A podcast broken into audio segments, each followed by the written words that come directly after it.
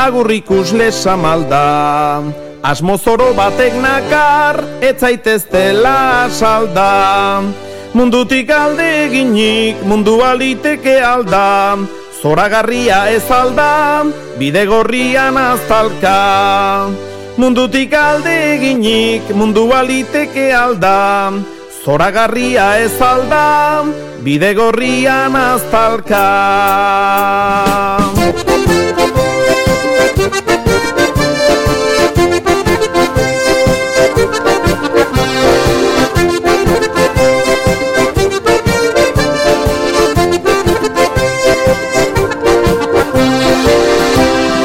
Aize kontra noaz zuzen, okerra izeak buruan Aspertuko aiz lehenago, laguntenek inguruan. Nire asmoak ez omen, ez buru eta ez anka Zora garria ez alda, bide gorrian aztalka Okerra ez dute gina, aspaldi gaitzeko meta Meta hartara noani, izan arren turmaleta. Bide lausa berdina, baino nahiago dut malda Zora garria ez alda, bide gorrian aztalka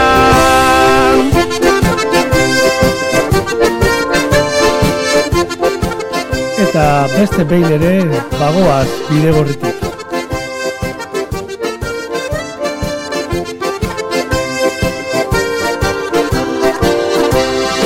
Ordokian ere beti. Eta gaurkoan gurekin daramatzagu antzerkirako sarrera batuk eta liburu bat. Baina ez dut zertan etxi, zure gineinen dut alka Bide gorrian aztalka, zora garria ez alda. Trazatutako bidean, gogait egiten dut guztiz. Nora ezean naiz joaten, arauak aldera utziz. Orduan zer ikusten da, buru bat eta Bide gorrian aztalka, bide gorritik irten da. Egun sentian aztalka, arrastirian aztalka Gau eta egun aztalka, gelditu gabe aztalka Buru bat eta bianka, zora garria ez alda Bide gorrian, bide gorrian Aize barruan aztalka, euri azpian aztalka Elur gainean aztalka, eguzkiraino aztalka Buru bat eta bianka, zora garria ez alda Bide gorrian, bide gorrian. Biderik gabe aztalka, gorpirik gabe aztalka Galgarik gabe aztalka, katerik gabe aztalka Buru bat eta bianka, zora garria ez alda Bide gorrian, bide gorrian, bide gorrian Gorri bidean Eta bide gorritik goazela, ara non topatu ditugun bi lagun, bi antzerkilari, bi ezagun, eta beraiek agurtzera goaz. Opa, arratzaldeon. Aba, batxi. Arratsaldeon.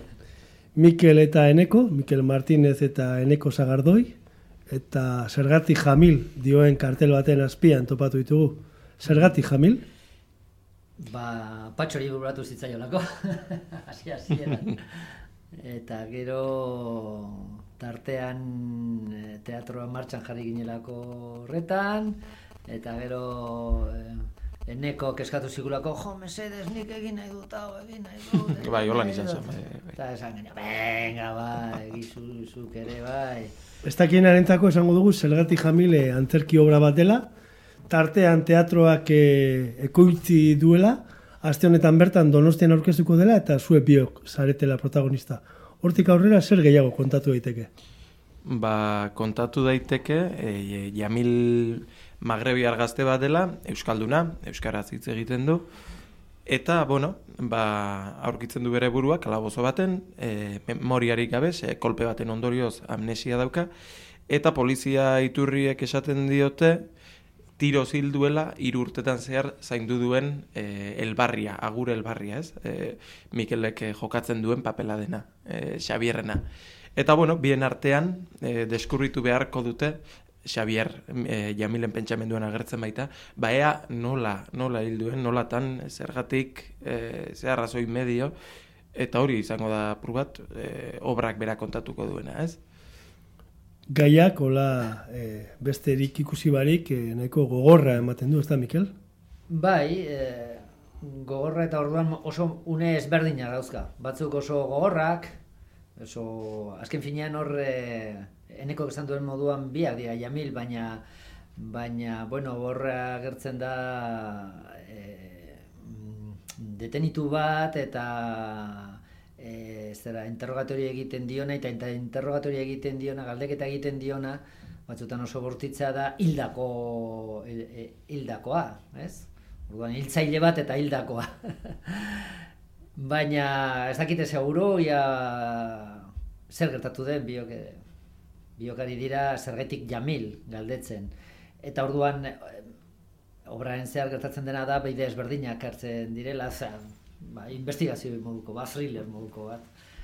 Eta orduan e, personaje bi hauek eta publikoa ba, sartzen dira hor dibagazio batzutan edo hain mendik hau honegatik esan dago besteagatik besteagatik eta orduan gai ezberdinak ateatzen dira e, bide bakoitzean eta bide horiek e, bukatu egiten dira eta beste bide bat aurkitu behar da eta bueno, gauza ezberdinei buruz hitz egiteko parada ematen du eta bide ba, batzuk oso violentoak dira, beste batzuk samurragoak, bueno, neko kolore asko daukan obra bada. Orain arte, baina, zu beti ikusi zaitugu, azken urteetan bintzat, eta bikote teatroan eta ibilizarenean patxorekin eta asko mm. ere gai alaiagoak eta gai umoretzuak eta lantzen, zer moduz jauzi hori? Ni bere oso pertsona serioa, naiz. Oso, oso, oso. Eh, bueno, ez dakit, eh, serio edo, ez dakit, serio edo, ez baina, esan edo drama, asko gustatzen zaidala eta antzestea gustatzen zait. Eta oso gustora nago horrelako personaje bat egiten. Eta bai, gehienetan, pues, ez dakinik, e, pues, errestazun du, komediarako, eta eta hotxa, eta eta fisikoa, eta horrela, eta askotan tokatu zait, edo tokatu zait, edo gu geuk egin dugu, ez? Ba, bueno, ba, horrelako komedian, gehiago edo gutxiago, ba, gauza ezberdinak egin ditugulako, baina, bueno, eta hau izan, hau ziraski dramatikoaena, baina oso oso gustora, ez? Oso gustora. Aktore moduan oso gustora nago. Eta esaten baizu eteneko, e, zue biok antzerki obra berean zaudetela jakitean eta zergatik jamil zertaz dan jakitean edo niri goen kale etorri dela burura? Ba, bai, ba, bai. bai, ze, Hombre, egia da, goenka lehenik egin nuela lehenengo tu, turkiar papel hori, ez? Edo bintzate e, ekialde urbileko, edo azentuarekin izan zen e, lehenengo pertsonaia.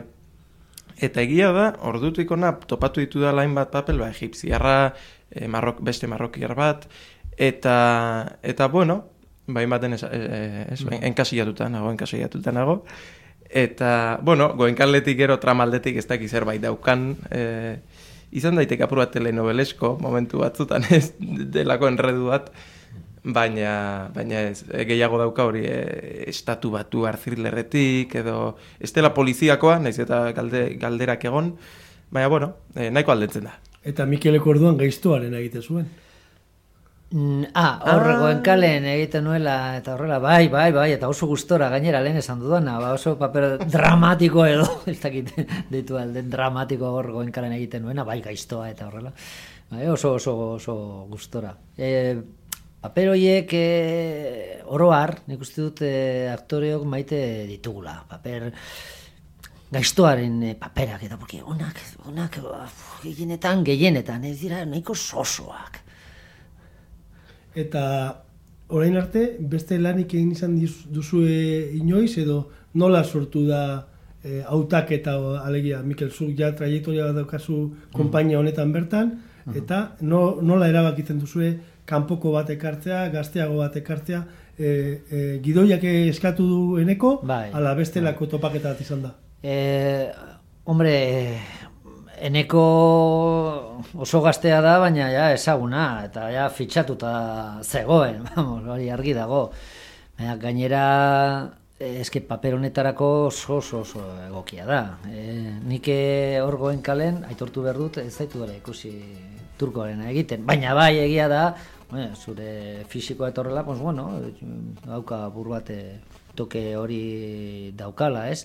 Eta e, e, eta e, bueno, lehen esan dut, aurretik ikusita beste obra batzutan, oso aktore potentea da. Eta gero, pues, kastinak, ba, eskatzen da, ba, osea, tipo gazte bat izan behar duela, eta horrela, orduan, ba, bueno, aukera ezin nobea, vamos, argi eta garbi, da, paper hau dago eginda enekorentzat. Eta zukeneko nola bizi duzu hori, alegia orain arte e, paper batzu jokatu dituzu, antzerkian e, ezagutu zaitugu obra batzuetan, baina hemen uste dute pausu bat, urratz, haunditxo bat badagoela, ez da? Bai, bai, bai, bai, duda barik. E, alde batetik, lan, lan egin dudalako patxorekin, Mikelekin, Jokinekin, eta jende jende batekin urte asko daramanak e, antzerkian eta atzo ere esaten duen, ez? E, igual euskal antzerkian urte gehien daraman e, jendearekin. Bueno, hainbeste, hainbeste, eh? Ba, Mikel, bai. Euskal antzerkiak urte. urte gutxi hau. Atzokoak gara. ez, baina zentzu horretan bada, ez? Eta beste alde batetik irai, ba, bueno, ba, kompainia moduan ere oso harrera ona duen e, kompainia bat da, oi hartzuna duen kompainia bat da, Eta bueno, papela bera ere, ba, orain arte egin dudan, ba, potentenetariko bat da, ez? Ba, testuari dagokionez edo protagonismoari dagokionez behintzat. Eta bueno, ba, horrek eh, suposatu niretzat lana eta presioa zentzu baten, baina beste alde batetik asko ikasteko aukera. Eta asko ikasi dut, e, nik uste dut, eta eta hauek ezagutu ditut, eta eta pozik, kriston aukera, kriston aukera. Txiste asko ikasi ditu. Txiste asko. E, aste honetan bertan e, estrenatzen da, Donostiako antzoki batean, eta nolakoa dira azken aste hauek? E, lanean hasi zinetenetik, nola bizi dituzue garai hauek. Batek esperientzia izugarri batekin, eta besteak e, talde berri honekin. Ba, bueno, eski montaje hau apur bat berezia izan da, ba, montaje honen ibilera, ez? Ba, normalean beti heltzen zara estrenoetara, ba, itota, eta, bueno, baina kasu honetan, e, obra prestatu duguneko denborarekin, eta, bueno, ba, egin kontuen gatik, eta honegatik, eta ia noiz estrenatu edo zer, edo honet, data hau txarra da, bestea kontua da, e, prestatu, bueno, ekainerako ja prestatuta geneuka, eh, geneukala. Gero egon gara udan ezer egin gabe eta eta orain hartu dugu berriro, ez? Eta orduan eh, orain ari gara horrekin pues, gogoratzen eta hobetzen, en fin, gauza batzuk ikutzen, ez? Orduan heltzen gara puntu batean, bueno, nahiko ondo prestatuta daukagula dena. Eh, iaia, ebitzen zait ondo edo, ja, pues, dut nahi, ez dugu nahi galdu estrenaldiaren tensioa eta nervioak eta horrela, bueno, eta eukiko ditugu eta horregongo dira, ez? Baina, bueno, xeneko lasai, ez lasai. Gaude eta garaiz gauza guztia prestatuta eta apu bat eh, seguro edo eskuartean daukagunarekin.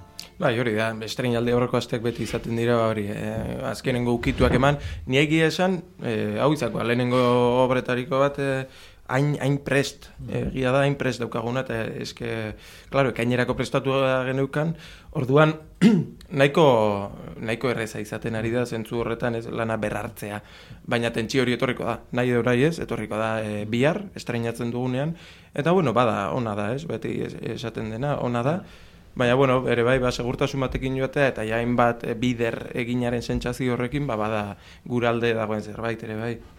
Eta Donostian estrenatzeak badu eh, zanai berezirik, sarmarik edo mm. erronkarik? Oh, ba, egia esan, ni pena bat, parkatu Donostiagatik, pena apur bat ematen dit Bilbon ez estrenatzeagatik, baina, bueno, gauza korrela sortu dira, eta horrela, eta, bueno, Donostia ere oso leku ederra da, oso plaza ederra da estrenatzeko, antzok izarrean, e, eta horrela, eh? Pena apur bat ematen dit, e, bueno, ez dakit niko zubilbotarra naizelako edo, ba, Bilbonez ez egiteagatik, orain goz, ez estrenatzeagatik. Ez da espaldi gainera, donostian sarituak izan zinetela? Bai, horre, bai, normalean, donostian uste dut lehenengo aldiz da estrenatzen dugula.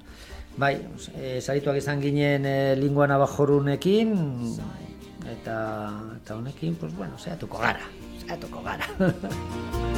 This is the land, the land of do what you're told.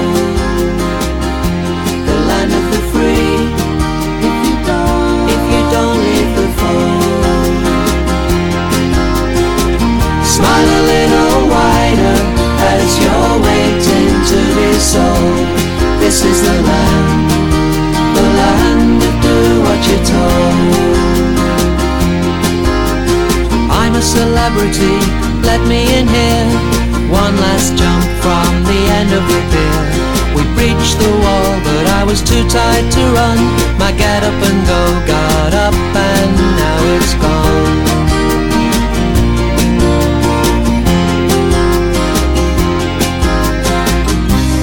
Esan dakoa laguno.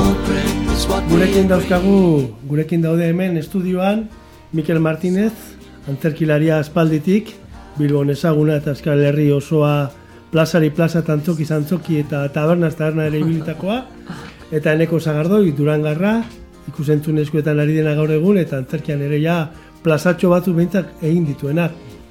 Eta esan digutenez, zergatik Jamil aurkeztu behar dute aste honetan bertan Donostian, eta gero berain asmoa da plazari plaza, ibiltzea. Aipatu dugu gaia, eta berriro murgilduko gara obra horretan. Ez dizue beldur pizka bat ematea gaiak berak, alegia, e, etorkinen estigmazio horretan e, labana zorrotzegi ezote dagoen?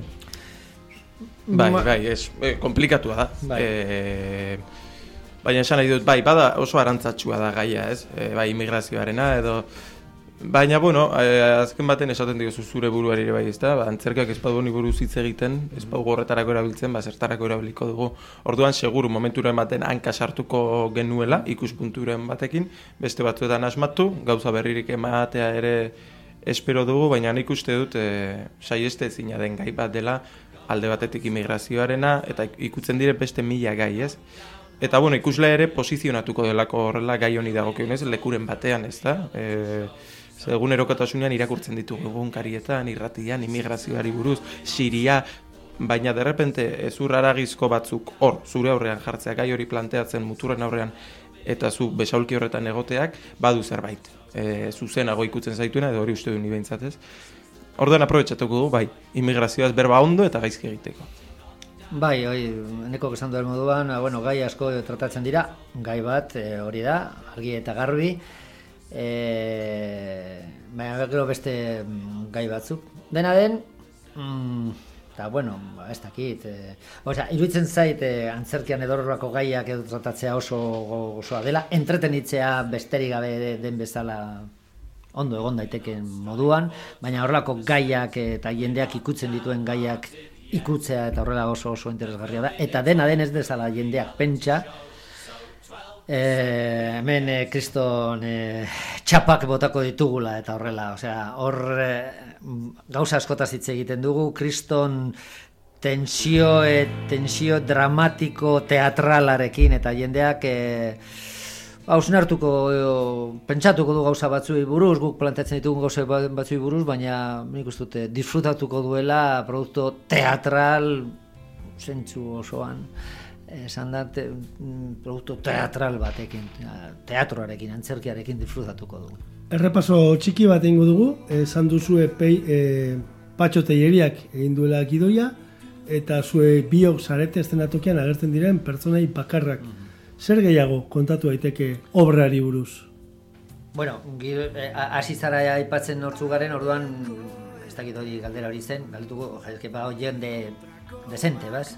Eh, a ver, desastre bat nahi. Bai, zuzendaritzan zait, eh? Patxo eta Jokin Oregi, Hori, biak eh, daude gero, badago, eh, bai, gu, gu bakarrik gaude eta estenografia oso simplea da, ba, da, ki bat, baina ba- badago, bueno, pues, tool bat, pantalla bat, eta hor badago eh, proiekzio oso potente bat.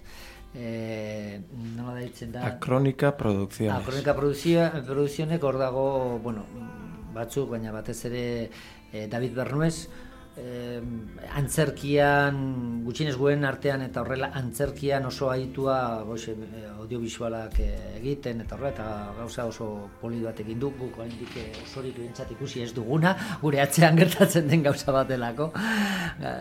Eta gero eh, argiak ere oso potenteak dira, hemen jokatzen da asko, bai da, espazio bakarra da zelda batean, baina eh, flashbackekin edo asko jokatzen da, eh, nolakoa zen gure harremana ze gertatu zen, ze eta egin zen horrela eta tal.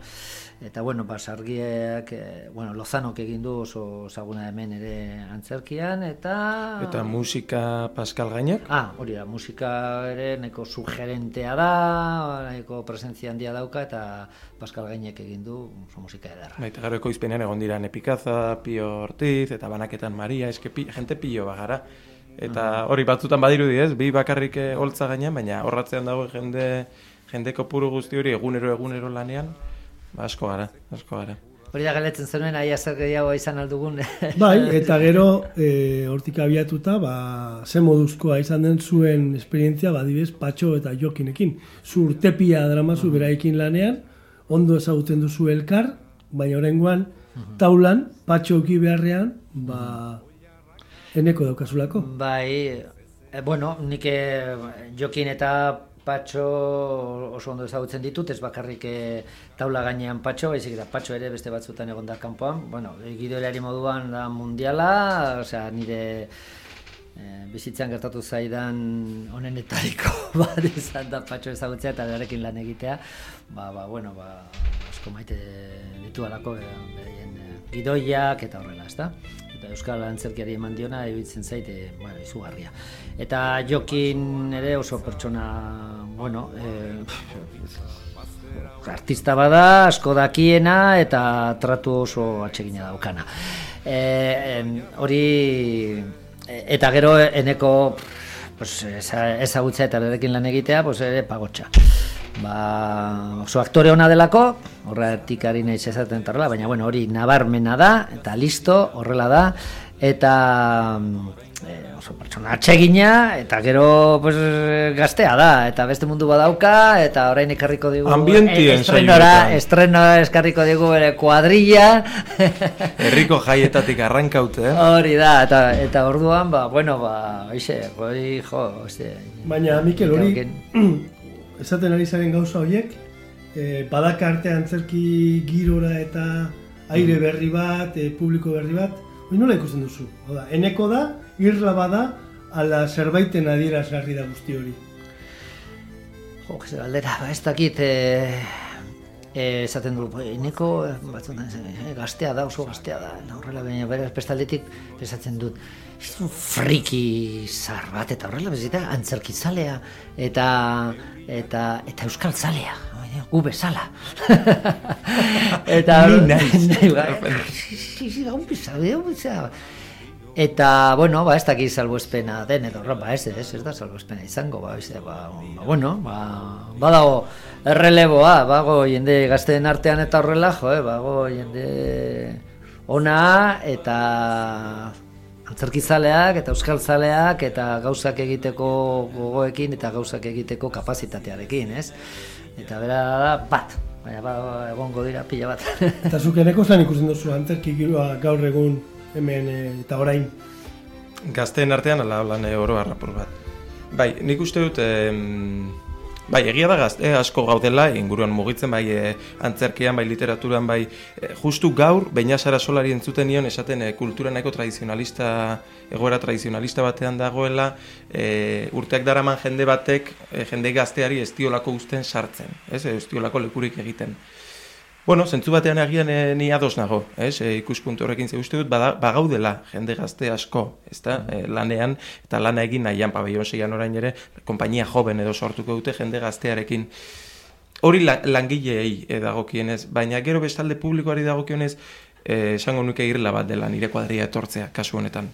E, jende gazteanik faltan botatzen dut asko antzokietan eta aldiz kontzertuetan e, txosnetan jende asko ikusten duan bezala eta gaztentzako guneak ere igual bereziki badirelako, baina antzokietan ni lagunak eramatea asko kostatzen zait. Eta behintzat nik egin ditudan obra obretara. Zinera aldiz asko zerrezago joaten dira, baina antzerkirako ez dago ohitura hori. Esango nuke ohitura gehien dagoen tokia gazteak antzerkira joateko dela iparraldean, lapurdin batik bat, eta euskerazko antzerkira. Hor da, pasada bat, eta hemen hori ez dukagu. Bai. Guk esate, esate baterako, ba, bueno, hain asko mugitu naiz e, patxorekin ez dokiru formato horretan, eta hor, hor bai, bueno, hor e, gazteak eta horrela gaina oso leku informaletan ibiltzen gara, eta bai, hor ikusten dugu publiko gaztea, eta horrela eta oso posgarria da. Baina segurazki ja hor antzokian sartzen zarenean eta horrela ba, asko ze, oso asko ze zailagoa da. Horregatik, eh, gu beti zaiatzen gara eta obra honetan printzipioz, bueno, badirudi apurba zaila dela, baina ez, ez, ez, atzo bertan egon ginen froga batzuk egiten, saiatuko gara eta egingo dugu, bersio, en fin, txikiago, moldagarriago bat, e, bueno, berez ez da, ez da oso formatu handia, baina, bueno, badaukagu audiovisualaren, bueno, zamatxo hori eta horrela, ez? Baina, bueno, e, egingo dugu, oixe, e, da, Mahoma, Mahomaren gana joango da mendia, edo alrebes, edo, edo, edo bueno, gu Mahoma baldin bagara eta publiko gaztea mendia baldin bada, gu mendira joango gara. Bai, e, mugituko gara eta zaituko gara jendea erakartzen antzokira, ondo dago ere antzokietara joatea, eta mugituko gara, pues bueno, pues... E, irakaskuntze eskoletara eta gaztetxetara edo, bueno, en fin, leku txiki, txikietara joaten eta horrela, ez? Horre oso, oso, oso polita da leku horretatik mugitzea. Eta emanaldien aldetik eta? Ba, emanaldien aldetik orain estrenatzen dugu eta baukagu nahiko udaz, e, udazken eskasa, ba, dena oso beteta dagoelako, antza, beste produzio batzukin, ja espaldian e, bere ziukitotxoa zeukatenak eta horrela, eta hasiko gara fuerte, e, pues bueno, abendutik aurrera eta datorren urtean e, gehiago eta horrela. Bueno, hori zergeti jamilen e, kasuan, ez? Bai, Bilbon bertan... Horrela ulertu dut e, galdera. Gero beste gauza batzu, beste bolo batzu daude. Bilbon bertan gaude adibidez, e, martxo hasieran, e, arriagan, eta estrenatuko egu ere gazteleraz. Mm Obra bera. Bai, bai. martxoan. Mm Por cierto, datorren e, hilean estatuko da pankreas erderaz. Mm, ez dugu guk erderaz e, prestatu, bak, pankreas da tarteanen azken obra eta ez dugu guk egin, baina Madrilen, eta gu sartu gara ere produzioan, Madrilen, e, Kontxa eta Zentro Dramatiko Nazionalek edo, ba, bueno, ba, gustatu zaie, hartu dute urrengo proiektu moduan, eta, bueno, prestatzen ari dira, eta datorren hilean e, aurkeztuko da, estrenatuko dute arriagan, eta Madrilea joango da. Ia horrekin lortzen dugun, agian guk erdeaz egingo bagenu hemen Euskal Herrian Euskarazkoari eh, kompetentzia egingo genioke malamentean, eta eta hemendik kanpo ez genuke zer salduko. Agian ba, bakizu honetan obra ona da baina horrez aparte eduki behar duzu pues, kartela ez? Eta bueno begingo da produzio potente bat eta horrela Madrilerako eta hor Zentro Dramatiko Nazional egongo da eta ja horrela lortzen dugun ba bueno ba, ba esatea hemen jendeak esatea oina hostia baina hauek hauek ez altziren hemengoak Osake, hortik eta ja, jendea batzutan gertatzen zaigu eh, logiko da, ez dugula baloratzen hemen etxan da, bai, eta daukaguna, ez? Kontua da ere, e, zuen obra estrenatzeaz gain, obra berriak ere badatozela e, udazken honetan, eta antzerki sale ere bazareten aldetik, e, nola biziko dituzu beste saio eta lan berri bai. hauek? Ba, jo, niretzat beti e, udazkena izaten da urtaro superroparoa. Ez, mm. ez horretan, ez? Ni desiatzen egoten naiz, e, udazken heltzeko ze, egia da, hainbat, e, obra erditzen direla, ba, nik adibidez e, etxekoak ikusteko kristongo gadokat. E, Ander Lipus teatroaren e, obra berria, edo eskutitzak e,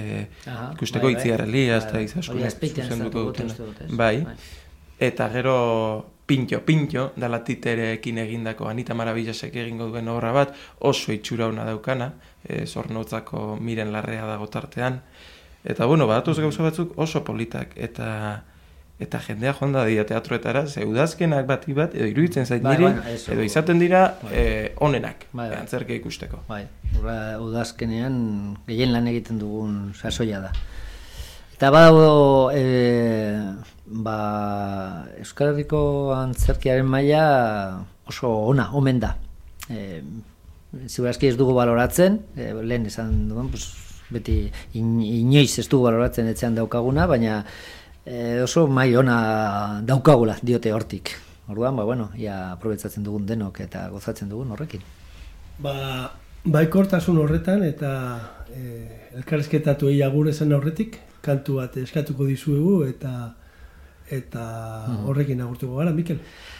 Ba, Hoxe, bez, lehen aldetu didazu eta bere etorri zait burura Jose Ripiauren e, bizitza triste eta eta ederra da. Agian, ba hor, pasarte batzuk kontatzen dira eta lehenengoa da ma, marrokiar herri batean e, ume baten begiak eta horrela, ez? Eta gero hoxe kontatzen dituen historiak dira tristeak eta eta ederrak. Eta obra honetan, eso, bueno, marrokiar, gote askain eta horrela, ba, baita, baina ikustu kontatzen diren gauzak dira trista, tristeak eta ederrak. Baten begiak Bizitza triste Bizitza triste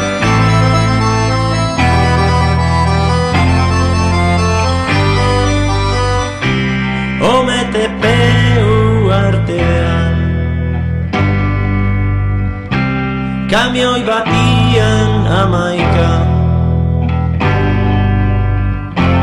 Iluna barra gorri beroa Bizitza triste.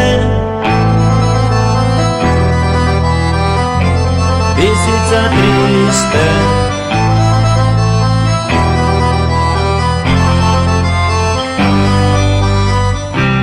Mexiko taxi batian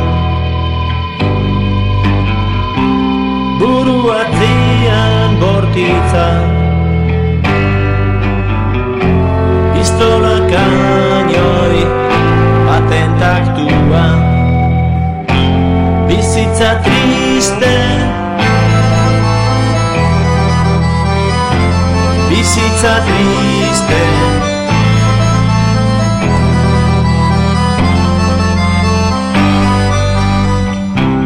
Pasaiako amildegian Gauean larruzko txupaz. Beltzara nura nere gainira Bizitza triste. Bizitza triste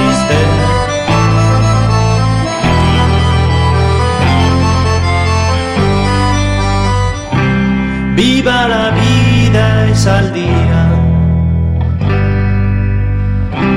Frida calor en cuadroan. Marco tu zuna hilzoria. Bizitza triste. Bizitza triste.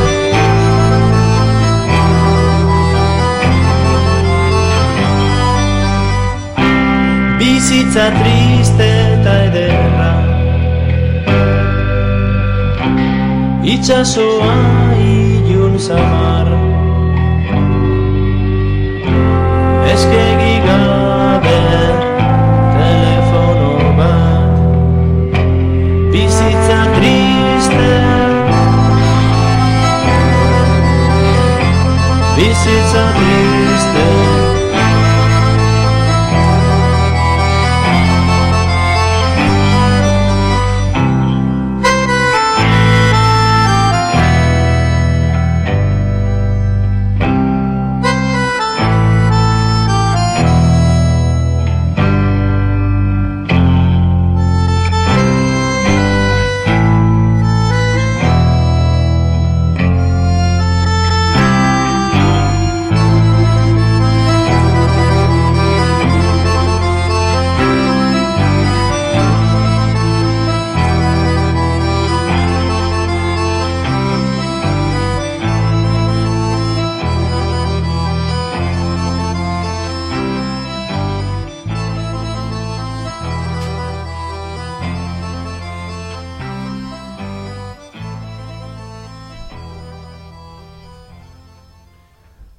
bizitza tristea eta ederra dela esanez agurtu, agurtuko ditugu Eneko eta Mikel. Eta mila esker gurean gaur hemen egotearen, laro eta mazazpi FM irratian, eta antzokitan ikusiko dugu elkar. Eskerrik asko zueri. Eskerrik asko zuei. Hortxe, egongo gara. Eta inkorrotagarria dut gerratea. Edo zer gauza gerta daiteke mundu txoro honetan. Josa zu behin bederen zam. Gara izarrak oroitzeko.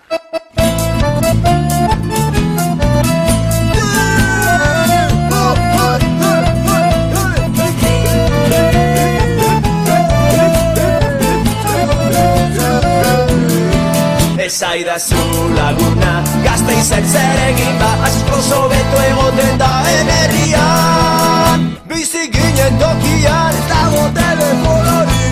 Ez dago ez tunarik Bai kuskusatak kumea Esaidazu laguna Gazte izan zer egin ba Asko sobeto egoten da emerrian Bizi ginen tokian. Ez dago poliziarik Jale da eta pixegi. Gaibili hemen dikarat Traidazu laguna Gazte izan zer egin ba Asko sobeto egoten da energian Desertuan ez da egon behar. Semaforo berdean zain. Baina justizia errespeta. Errespetatu egiten da. Esaidazu laguna Gazte izan zer egin ba Asko sobeto egoten da energian Esaidazu Esaidazu Esaidazu Esaidazu Esaidazu Esaidazu Esaidazu Esaidazu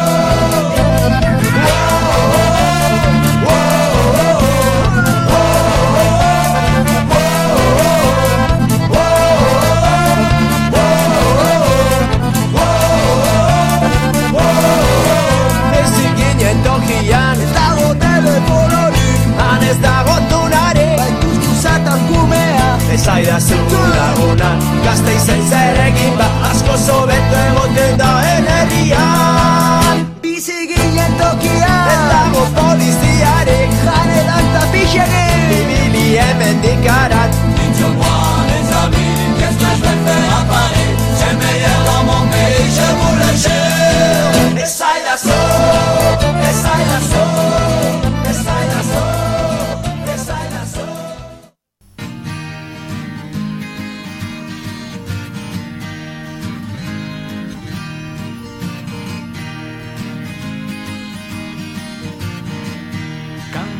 Kantu txikiak egingo ditut patrikan gordetzekuak Behatzen artean irristatuta garraio publikokuak Eta galtzen bat dira ongi. Eta aurratzen bat dira hobeto Beti berandu heltzen direnek soinean eramatekua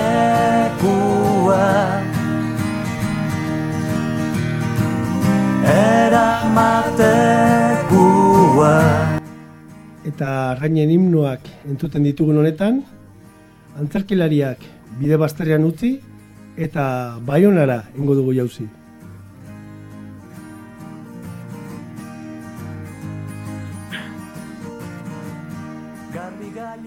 Baionak ez daki liburua aurkeztuko du gaur Bea Salaberrik Donostian.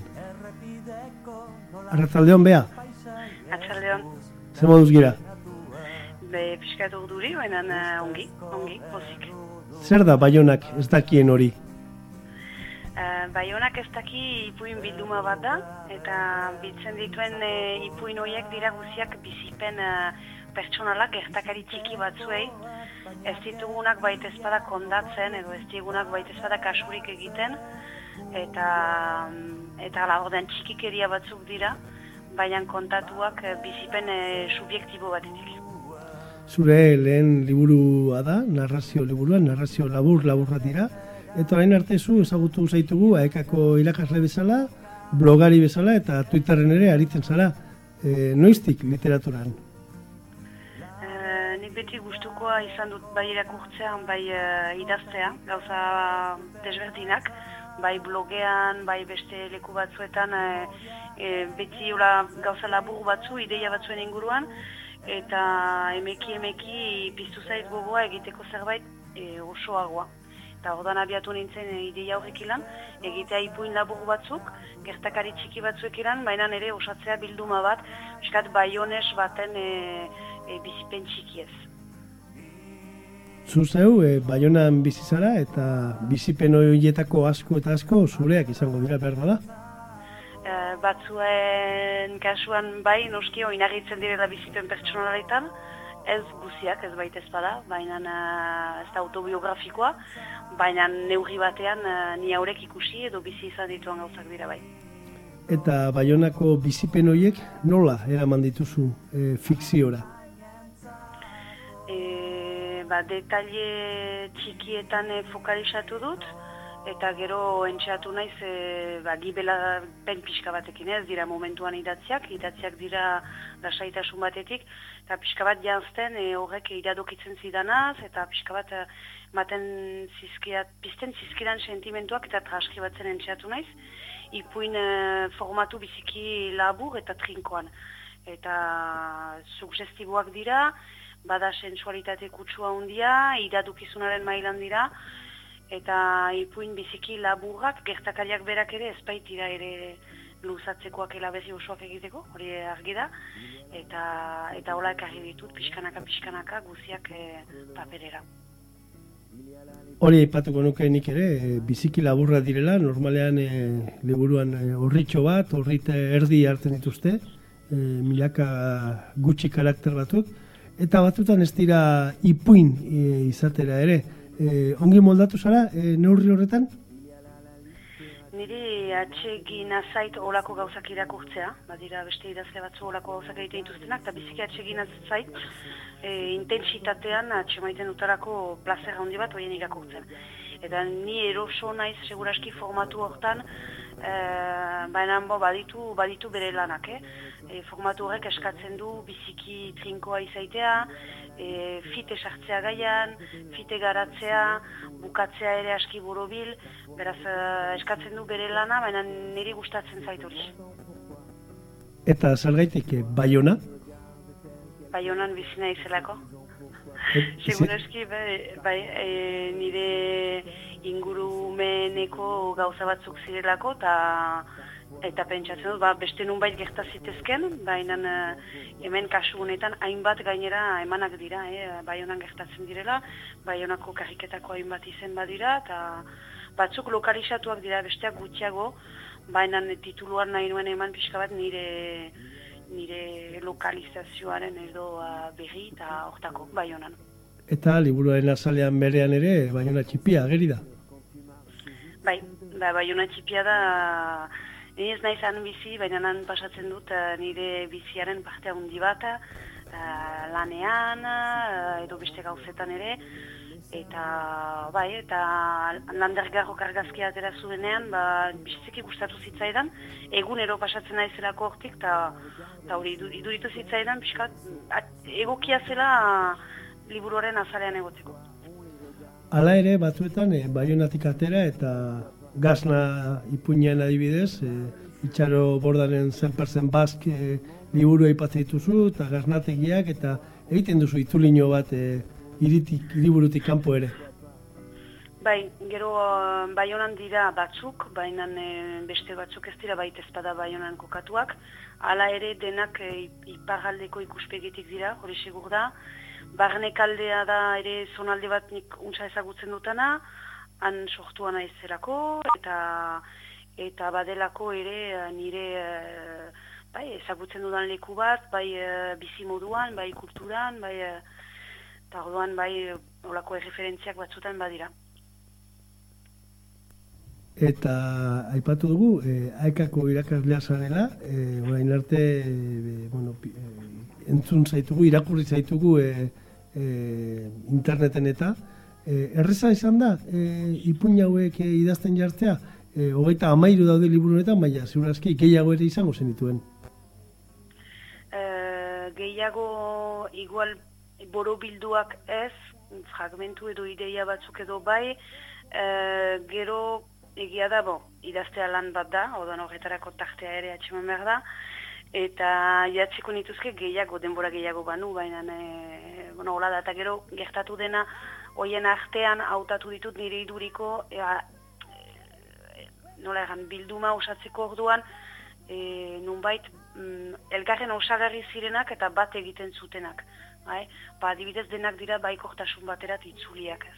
E, gehienak dira gai positiboen inguruan eta gai negatiboen inguruan direnean ere, entxatu nahi zemaiterat itzuli bat e, baikoja. Eta gero entxatu nahi ere gai desberdinak jogatzen, e, pertsona baten ere alde desberdinak, pertsona gisa, emazte gisa, langile gisa, Hala, beraz osatu dut olako uh, konstelazio bat edo nik uste bat etortzen zena eta islatzen zuena ere uh, bai honesaren uh, uh, al, biziaren alde desberdinak. Baina egia da ere, e, baiona ezagutu gabe ere, e, irakurrean murgiltzen aldela e, ipuñan arrazioan e, barna. Bai, nik gero hori uh, importantzia eman nion ere, ez izatea sobera lokalizatua, ez izatea sobera kolore, leku bateko uh, koloretan uh, jantzia, uh, idatziak dira denak ni batetik, edo gu batetik batzutan, baina gehienetan ni batetik, alde batetik ekonomiaren gatik, ez dut zehazterik nor diren eta nun diren, baina bestetik erresten duelako ere jendearen identifikazioa, eta edo zeinek nik uste irakurriko dituelarik ipuin txiki horiek bere burua irakurtzen alko du bizitzen. Ikuste hori hori ala da. Eta, eta pertsona, lehen pertsona idazteak hori batez ere egistu du. Eta hizkuntzaren aldetik, eh, eskatu izu e, alegin berezirik edo etorri ala idatzi duzu, sortu ala eta errez moldatu zara e, manera hortan eskaintzen. Ez, ez, ez, nik uste uh, bi dira batetik ideien e, e, lotzea eta jostea, hori ez da hain erresa izan ere, eskatu du bere lana. Uh, ez da bakarrik izkuntza menperatzea, bada ere, uh, ba hori ez e, pitsuegi, kargatuegi izatea, adierazgarria, baina uh, zehatza, baina aldi berean ez sobera ulergaitza, hai? eta hizkuntzan entxeatu naiz izaiten hori hitzegokia, zehatza, mm, baina nire ulergarria nire iduriko, eh? transmititzeko zerbait, baina uh, geldi dadin zerbait fresko eta harin irakortzeko. Esan daiteke, e, ipuñak, narrazioak, e, trinkoak diren arren, gero soli-soli e, irakurtzen direla e, esaldi, esaldi eta zan, e, trinkotasun horretan badago barruan e, airoso ibiltzeko modua. Gana duzu luzatzeko denbora gauzetan? Bai, eta irakurketa ere ez dela hain e, trinkoa ematen du, e, ikusten dituzunean ipuñak e, banaka, banaka, ba, horri bat, horri terdi e, betetzen dutela, baina gero badago lasaitasun bat barruan, ez dago lagor dena kondensatu haitz guztiak, e, testu guztiak, e, e, guztiz e, zapalduta bezala, komprimituta. Hori, hori da, erraiten nuen zaindu dut, pixka bat, Eh, gero detailea, nola detailea txikia den, e, gertakaria edo nik e, narrazioan zentrala edo abia puntua dena, e, gauza biziki txikia da. Orduan narrazioa gelditzen da bigarren maila batean. Eta deskriptzioak edo e, gertakari horrek iradokitzen duena, hortan eman dut indaja eta hori da seguraski ipuinetan irula ordena hortan da. Gero... Bai, nik uste bada bagnean, ba, bakoitzak atxemanen du nahi duena, nik uste irakurtzen alda molde desberdinetan, gogoetatzen alda nahi bada, e, ala, gero hor helburu nagusia ez da luzatzea ipuin batean, nik uste e, helburua da jendeari transmititzea emozio bat edo, eta gero horrek ilan ba, bere hortan identifikatzen bali bada eta plazer ematen bat jo hainbat hobe, lortu dut, eta gero ba, berak nahi badu e, gogoetatu berak dituen e, berari inporta zaizkion une txiki horietaz edo, hori ere posibilitate hori badu, zeren e, hori da ere piskat bildumaren asmoa, e, urruntzea funtsezko eta e, gai kora pilotsu eta pizu horietatik, e, gure lanetan edo gure goneroko bizian izaten aldiren hola gai batzuk gainditzen gaituztenak, zeren e, e, hori kompleksuak dira, e, batzutan erabaki bat hartzen dugunean, ba, ez dakikun ontik jo, bada parametroa hainitz, eta ba, pixkat hortik urguntzea ez, ez dela bakarrik hori, badirela horren e, saetxean beste gauza batzu, importantzia izan dezaketenak, eta eta atsegina ere ekartzen aldi gutenak, pixkat jendeari, ba, nik espero nukena, da, berak gero, ba, astea begiratzen gauzei, e, pixka desberdinki eta plazer hartzea berak ere bere bizian ba, antzeko egoeretan e, desberdinki. Eta kontu guzti horiek e, batuta, idatzita, eta orain paperera ekarrita, liburuan e, plazaratuta, beraz, idazle e, bezala e, aurkeztuta zure burua, zer moduz e, ikusten duzu zure burua orain? Uh, nola egan, uh, berria da, orduan, uh, ala ere, badu zonbait aste ukan dutala denbora ideia horrek ilan jartzeko, baina zerbait uh, berezia da, gero du uh, puntzezko aldaketarik ekartzen, baina uh, baina bitxia da, bitxia da sendimendu, bitxi bat da, e, jendeak idazle deitzea, liburu bakarra da, ez da ere, uh, ala, beraz, uh, baina gero pozik, uh, nuen asmoaren bururaino joan naiz, eta abentura polita izan da onaino, eta espero dut uh, abenturak segitzea. Elkarrizketa egingo dizkizute, liburuak sinatu beharko dituzu, eta... Berba da bai, bai, bai, bai, hori uh, guai uh, den partea da, e, abenturaren parte bat da, atsegina da ere, nire interesatzen zait, uh, kurutzatzea jendea, irakurri duena liburua, ea zer... Uh, zer sentiara zidion, zer pentsatu duen hortaz, eta ikuste hori importanta da ere, uh, jakitea, zuk egiten duzuna jendeak nola hartzen duen, eta ukaita feedback hori ere ikuste importanta da, eta bai, duritzen zait, uh, ala, ikusiko ondoko egunetan, baina bai, gogotik eginen dituen gauzak dira. Ez du gaipatu, baina liburuak eh, baionak eh, ez daki eh, izenburua du, aipatu dugu, e, zuz argitaletxeak e, plazaratzen du, aste honetan bertan e, aurkeztua donostian, eta aurrera begira ze asmo, bea?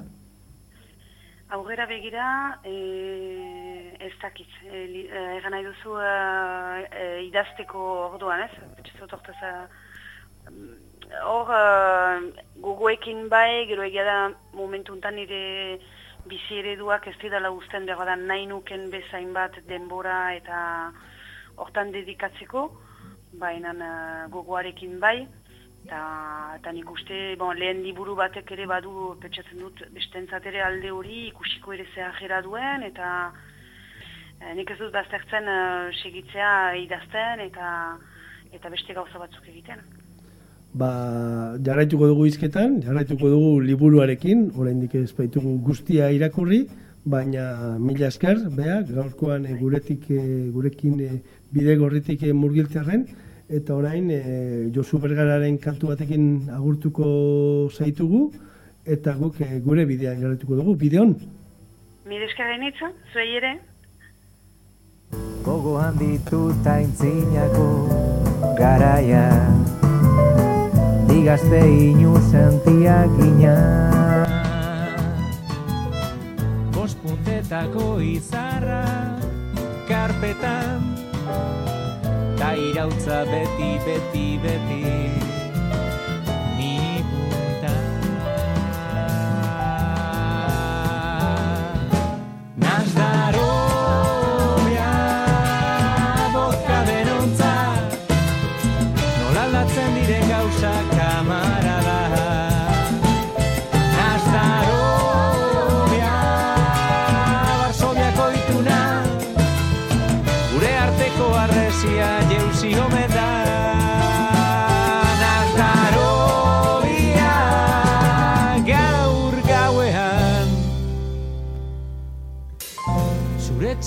txakurrek itxiko aldigute Azken taberna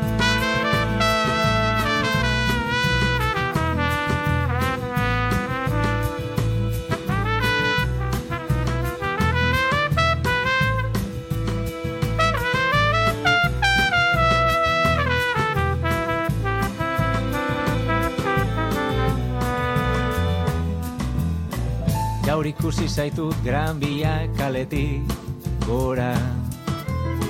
Traje iluna eta korbata gorria. Zona espezial norte kantua Ahaztu eta segiduan Lortu zenuen lanpostua. Jaurlaritza Nazdarobia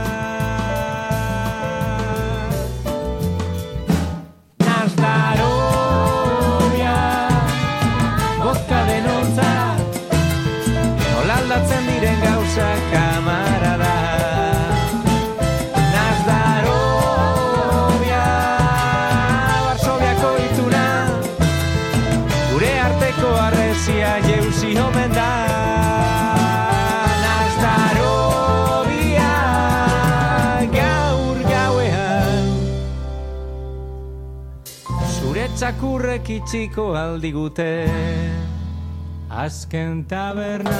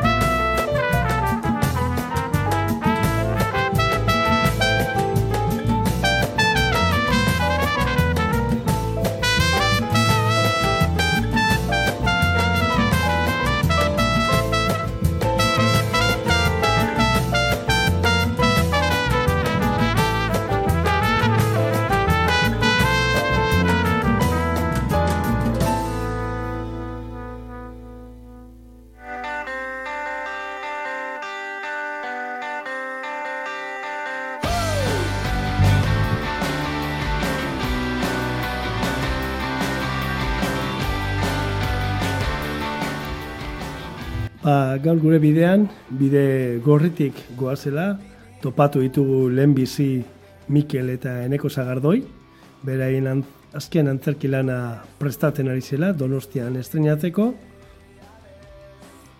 eta jarraian, baionan, bea salaberrirekin egin dugu topo, taperak, besapean, baionak ez daki liburu hori, narrazio laburrez osatutako liburua.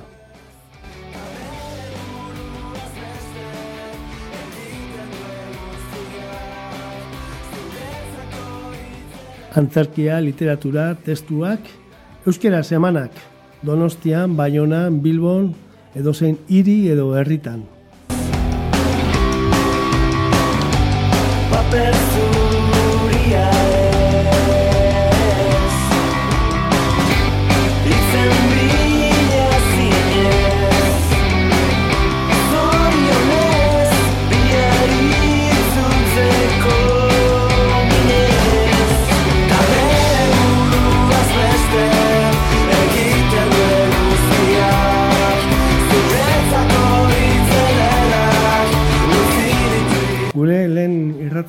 Peiremans aipatu genituen. Eta dagoeneko baitugu bost data Peiremansek eh, zuzenekoak eh, emango dituenak. Azaroaren bostean, ostegunarekin, biloko kafe antzokian izango dira. Biharamunean, azaroaren zeian, gazteizko Jimmy Jazen. Biharamunean, azaroak zazpi, Iruñako Zentral Aretoan. Eta horrengo astelako ere, baituzte bi bolo Donostiako dabadaba gunean, ostegunez, azaroak amabi. Eta bira honetako bosgarren data, etxean, tolosan, bomberenean egon baitira, azaroan amabosta, igandez.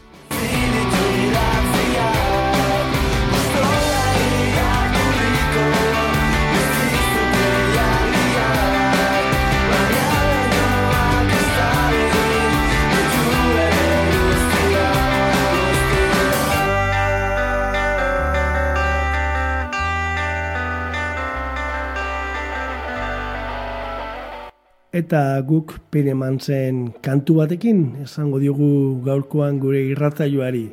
Bide gorretik izan da hau, gaurkoan bizikleta bete kultura dakargu, daramagu, eta joan ziren bezala, bagoaz gu ere.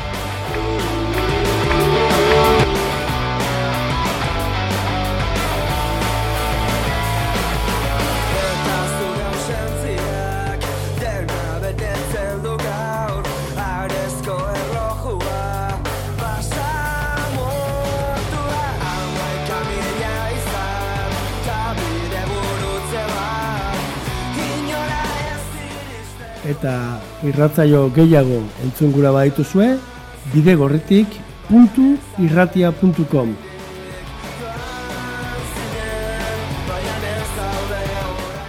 Eta mila esker, zelan ez, arrozako irrati libre guztiei bidegorritik emankizun hau, Bilbon ez ezik, Euskal Herriko beste txoko, uin eta lekutan entzuteara, entzutean jartzeko.